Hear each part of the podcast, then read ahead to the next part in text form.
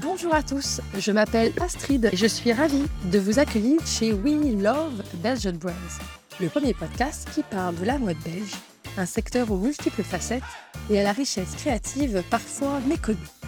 Avec ce podcast, je tends le micro aux créateurs, entrepreneurs, CEO, agents, passionnés. Grâce à ces discussions, je souhaite rencontrer l'humain et écouter les histoires qui se cachent derrière une marque. Car réussir est toujours plus complexe qu'une belle page de pub ou un post Instagram. Joie, difficultés, coup de chance ou sortie de parcours, monter sa maison de prêt-à-porter ou d'accessoires est un long voyage. Alors aujourd'hui, avec vous, j'aimerais voyager au cœur des marques belges pour partager, questionner les modèles et dévoiler l'humain qui se cache derrière nos petits et grands succès. Je vous souhaite dès à présent une belle écoute. Ce matin, avec mon invitée Élise Vis de Maison Élise à Bruxelles, nous parlerons d'un sujet passionnant dans la mode, l'upcycling, et ce qu'il sous-entend. Car en effet, on le sait, la surconsommation est un fléau pour l'environnement. Et Élise fait partie de cette génération de créateurs qui souhaitent marier le beau à l'indispensable. Avec ses créations, Élise recycle des tissus de grandes maisons de luxe. Elle inscrit sa mode dans une démarche durable et produit des pièces uniques en édition limitée. Lors de mes sessions de coaching au MAD, je rencontre beaucoup de créateurs avec cette belle ambition. Mais quelles sont les réalités derrière de tels projets? Comment combiner contraintes et créativité? Et quelle stratégie de développement commercial est à favoriser?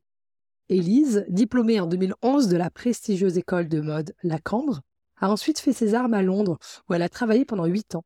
Je suis impatiente d'en savoir plus sur son parcours, sur la genèse de son projet et de discuter avec elle, avec elle de mode circulaire. Élise, bonjour. Salut Astrid. Bon, ravi de t'avoir à mon micro. Est-ce que tu peux te présenter en quelques mots et me raconter quel métier rêvais-tu quand tu étais enfant? Oui, bien sûr. Donc, euh, moi, j'ai 34 ans et comme tu l'as dit, j'ai étudié à la Cambre le stylisme. J'ai un master que j'ai terminé en 5 ans. Et euh, directement après mes études, je suis partie à Londres pour travailler avec plusieurs euh, créateurs différents dont Alexander McQueen, Victoria Beckham, Roland Mouret, Caroline Castigliano. Et euh, donc pendant dix ans, je me suis euh, formée parce que bien sûr l'école ça forme, mais pas assez. Et je suis revenue il y a maintenant quatre ans à Bruxelles pour lancer Maison Élise, cool. ma propre marque. Ta propre marque. Et tu rêvais déjà de mode et de vêtements quand tu étais enfant? Oui, oui, oui. J'ai depuis euh, très très jeune, j'ai toujours voulu euh, devenir euh, styliste, créatrice. Cool. déjà, je, enfin, je dessinais énormément, mais des, des robes. c'est assez comique. Si tu ouvres mes cahiers d'école, c'est rempli de dessins. Donc oui, c'est venu très jeune et j'ai un souvenir très particulier. C'est d'avoir vu un défilé Jean-Paul Gaultier à la télé et Ah. avoir dit à mes parents, j'aimerais bien te faire ça. Cool. Une vraie vocation, quoi. Bah ouais, c'est... Et ils m'ont toujours laissé. Ils ont toujours dit, bah écoute, tu fais ce que tu veux, mais fais-le bien. Ok, super.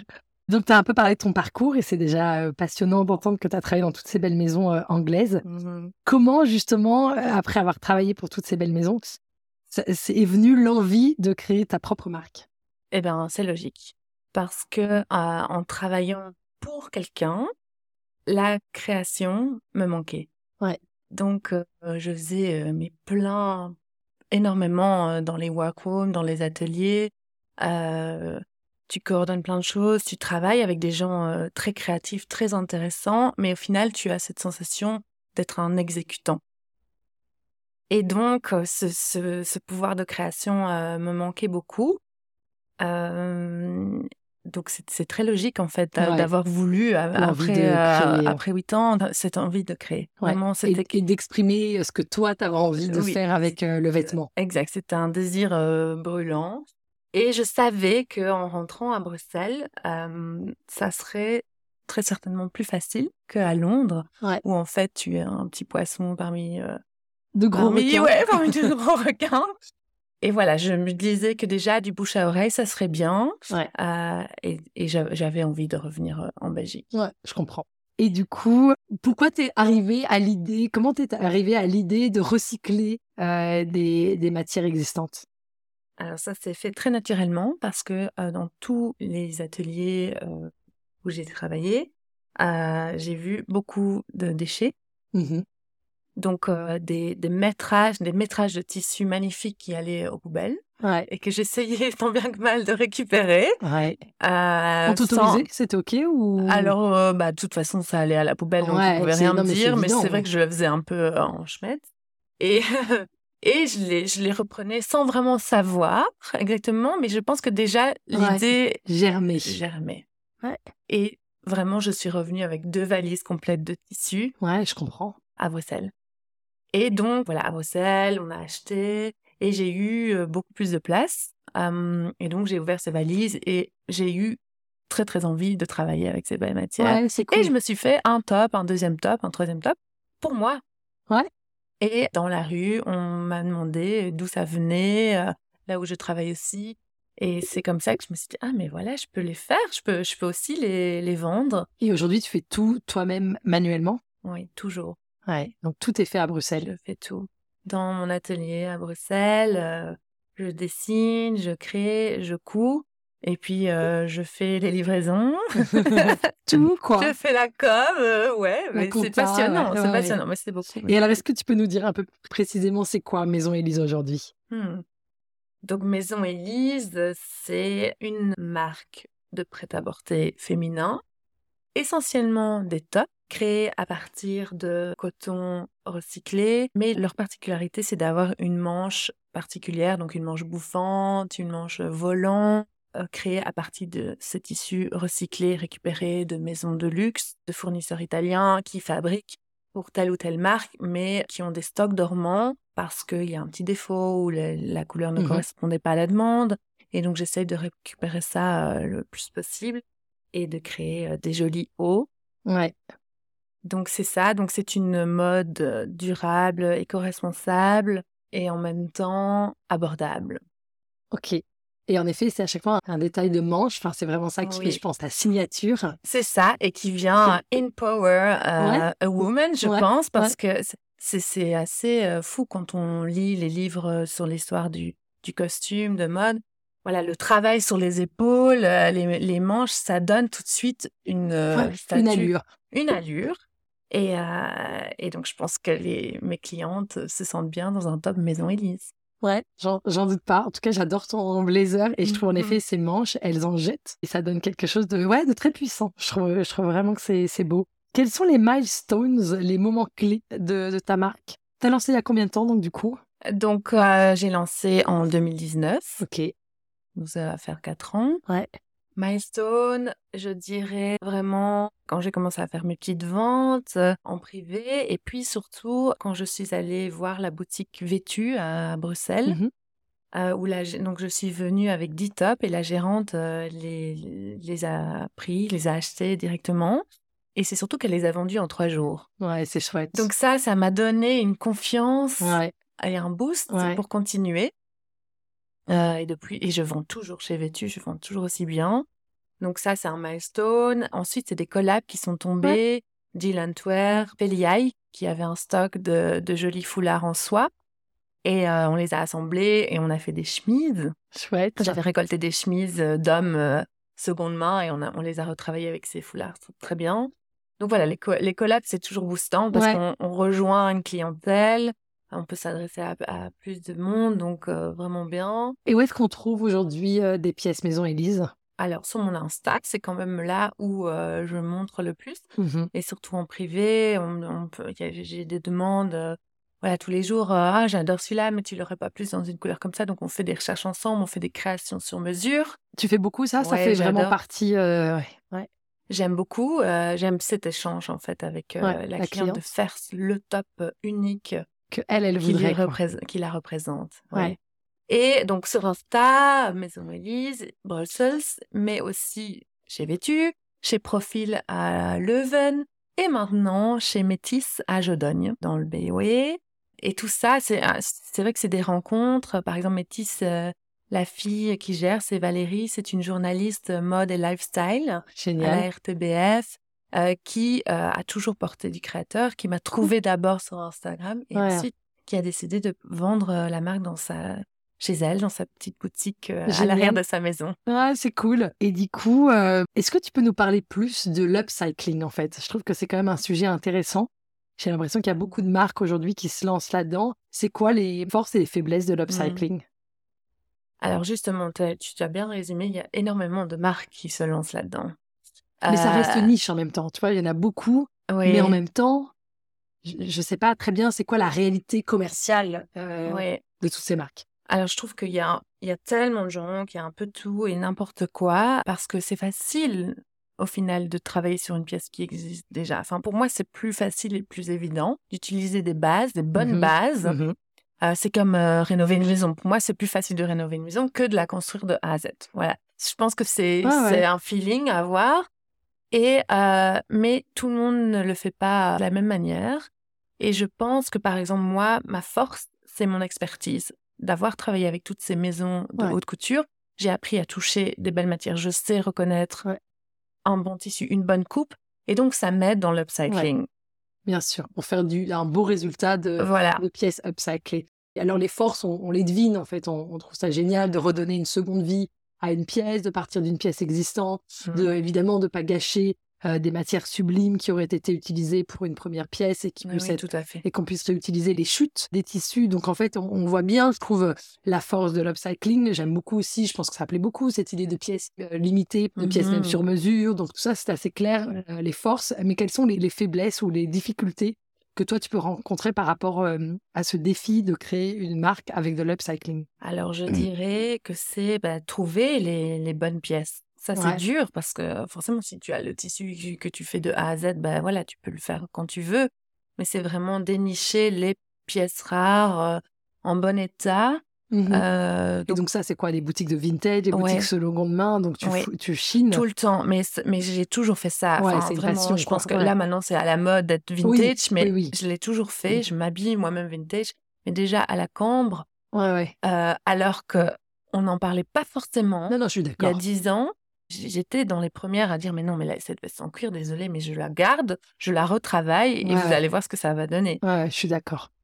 Mais donc oui ça devient plus difficile parce qu'il y a Il y a, d'au- il y a plus de gens. il y a plus de gens Ouais. qui ont dans les fripes. Mais t'as raison, faut avoir l'œil pour savoir chiner les bonnes pièces. Donc ça, c'est en effet pas du tout tout le monde qui peut le faire.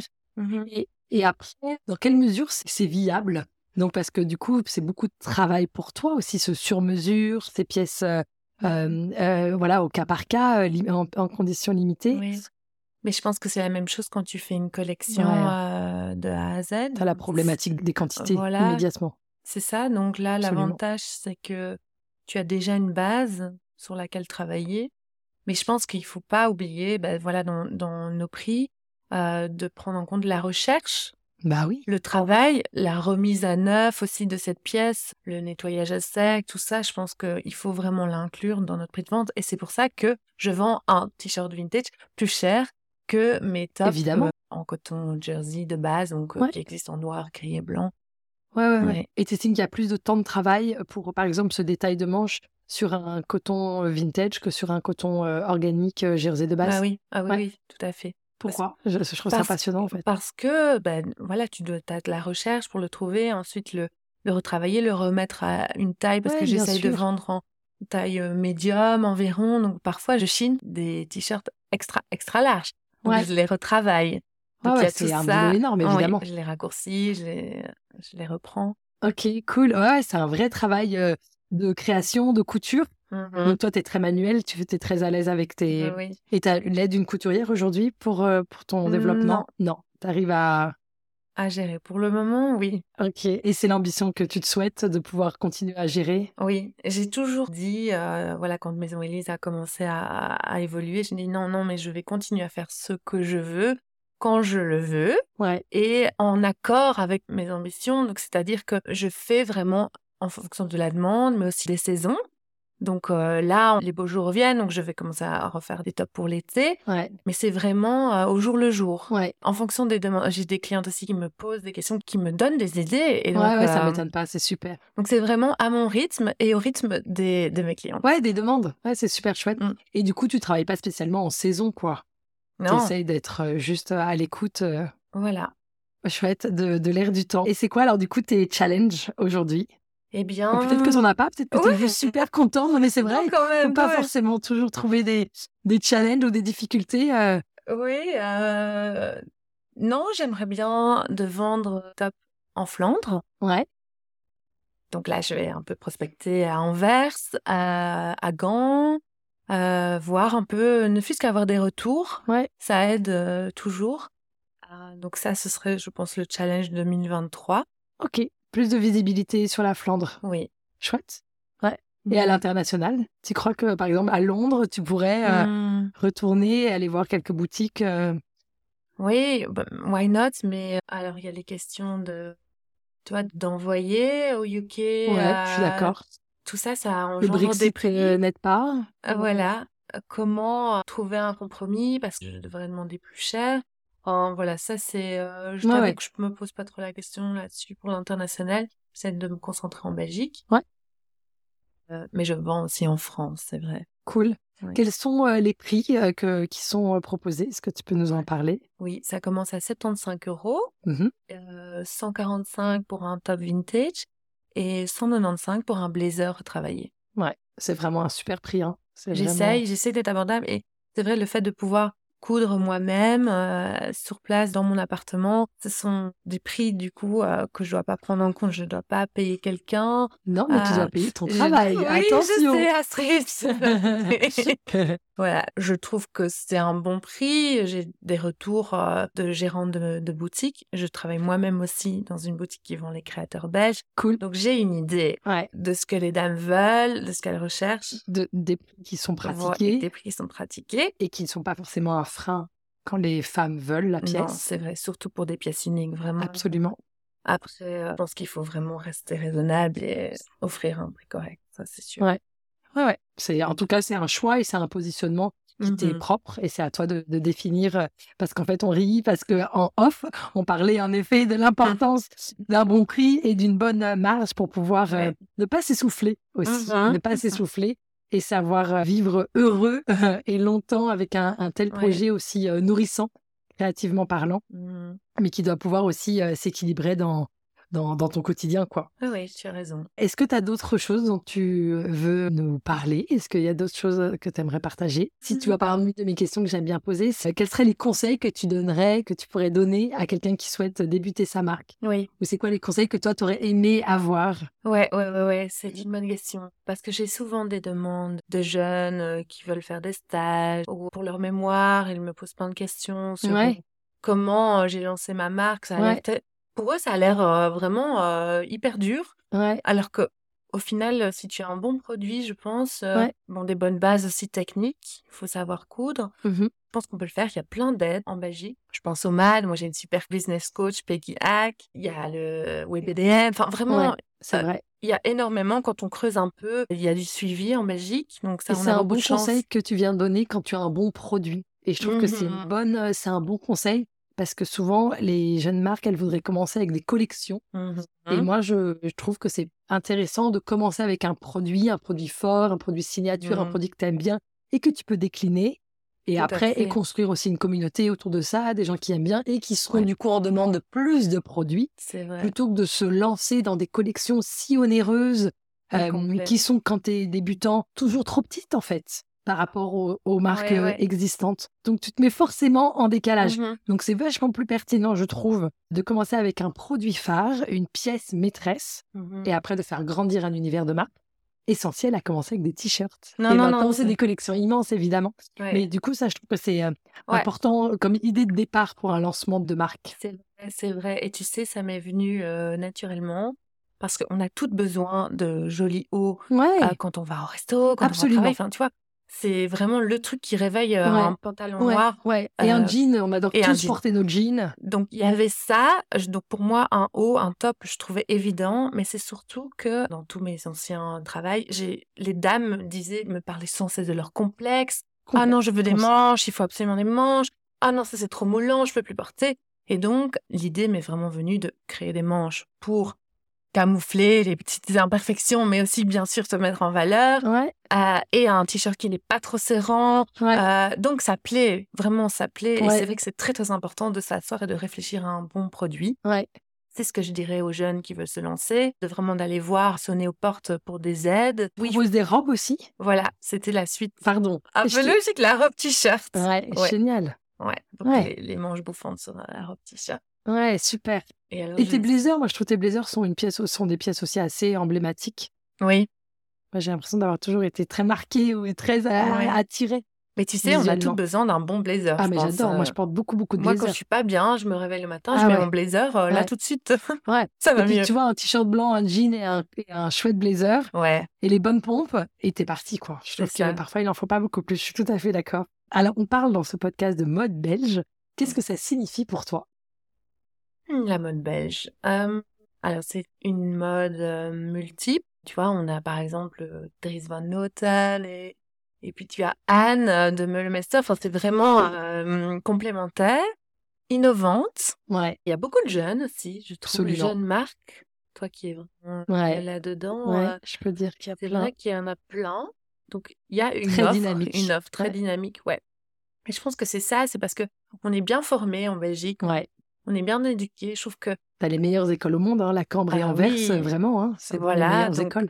Donc, euh, je pense que ça vient de là, de l'éducation. Euh, oui, euh, les- on ose. Ouais. On a des ailes, j'en parlais tout à l'heure. Est-ce que toi, t'estimes que Maison Élise, c'est une marque belge? Ah bah oui, 100%. 100%. Exactement. Produit, oui, pensé, Ah oui. designé en Belgique. Ouais, Voilà. même produit en Belgique, ça, c'est euh, pas tout le Oui. monde qui peut dire ça, tu sais. C'est déjà dans, sur mon label, c'est Maison Elise Brussels. Donc, Ouais. euh, les choses sont claires. Moi, je suis belge, je crée en Belgique. Donc, oui, oui, c'est très belge. Absolument. Et Et t'as raison d'en être fier. Écoute, euh, je te remercie beaucoup. Est-ce que tu voudrais préciser quelque chose encore ou t'as l'impression d'avoir Ah, je Fait le pense tour? qu'on a fait le tour, vraiment. Merci donc- pour toutes tes questions.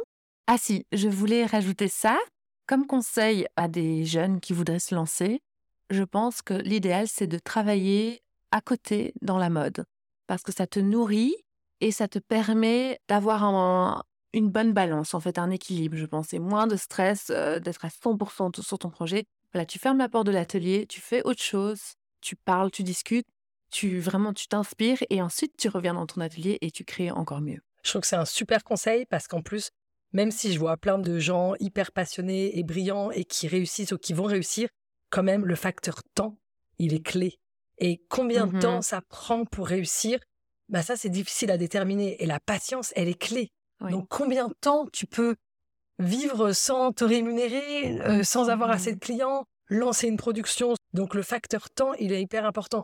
Donc, si tu peux équilibrer avec un job dans la mode, je trouve que tu as raison de préciser ça, qui vient te nourrir d'une réalité, Mhm. euh, d'une réalité de, de feedback concret du marché, des réalités d'une entreprise, des réalités d'une vente, Ouais. eh bien évidemment, tu grandis avec plus de sérénité. Ouais, je trouve que c'est un très bon conseil. Dans mes dernières questions, j'aime toujours aussi demander qui souhaiteriez-tu écouter dans ce podcast? Donc dans la mode belge. Oui, dans la mode belge. Alors, tu devrais contacter Joya Segers. C'est une Ah. copine de la Cambre qui, justement, a- en sortant de la Cambre, elle a lancé sa collection. Ouais. Des collections à, donc euh, quatre fois par an, Ouais. euh, vraiment le, le gros truc. Elle a eu énormément de succès, mais je pense que ça l'a vraiment mangé. Donc c'est difficile d'avoir un équilibre euh, dans ta vie sociale et en même temps ta vie professionnelle. Et maintenant, elle est revenue à un produit. Ouais. Donc c'est des pulls euh, à partir de cachemire ou laine recyclée pour des enfants. Donc, Ah, tellement super. malin, tellement intelligent. Et je crois qu'elle est la femme la plus heureuse, vraiment. Elle Ouais. est euh, une créatrice euh, Épanouie. épanouie. Bah oui, c'est quand même le but de la vie, en fait, d'être d'être heureux. Je le souhaite à toute personne créative qui est derrière un projet, que ce projet puisse la, la nourrir et l'épanouir, en effet. Oui. Cool. Eh ben, je note ce prénom et ce nom et je ne manquerai pas de la contacter. Merci, Elise. Très bien, je t'en prie. Toi, et puis voilà, juste le repréciser, qu'on te retrouve en fait à partir de ta page Instagram sous maison, M-A-I-S-O-N, Elise. Brussels. Brussels. Voilà. À l'anglaise, en anglais, quoi. Exact. Ouais, comme ça, on fait plaisir à tout le monde. Euh, voilà. C'est cool. Merci beaucoup à toi, Elise. Merci Astrid.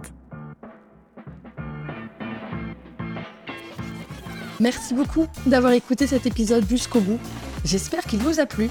Et si c'est le cas, je vous invite à le partager et à le noter de 5 étoiles, car ça m'aidera beaucoup à le faire gagner en visibilité. Si vous avez des personnes à me proposer, des projets à mettre en lumière, des questions à poser, n'hésitez pas à me retrouver sur ma page Instagram, oui, underscore, love, underscore, Belgian, underscore, brands. Et je vous dis à dans 15 jours pour un prochain épisode.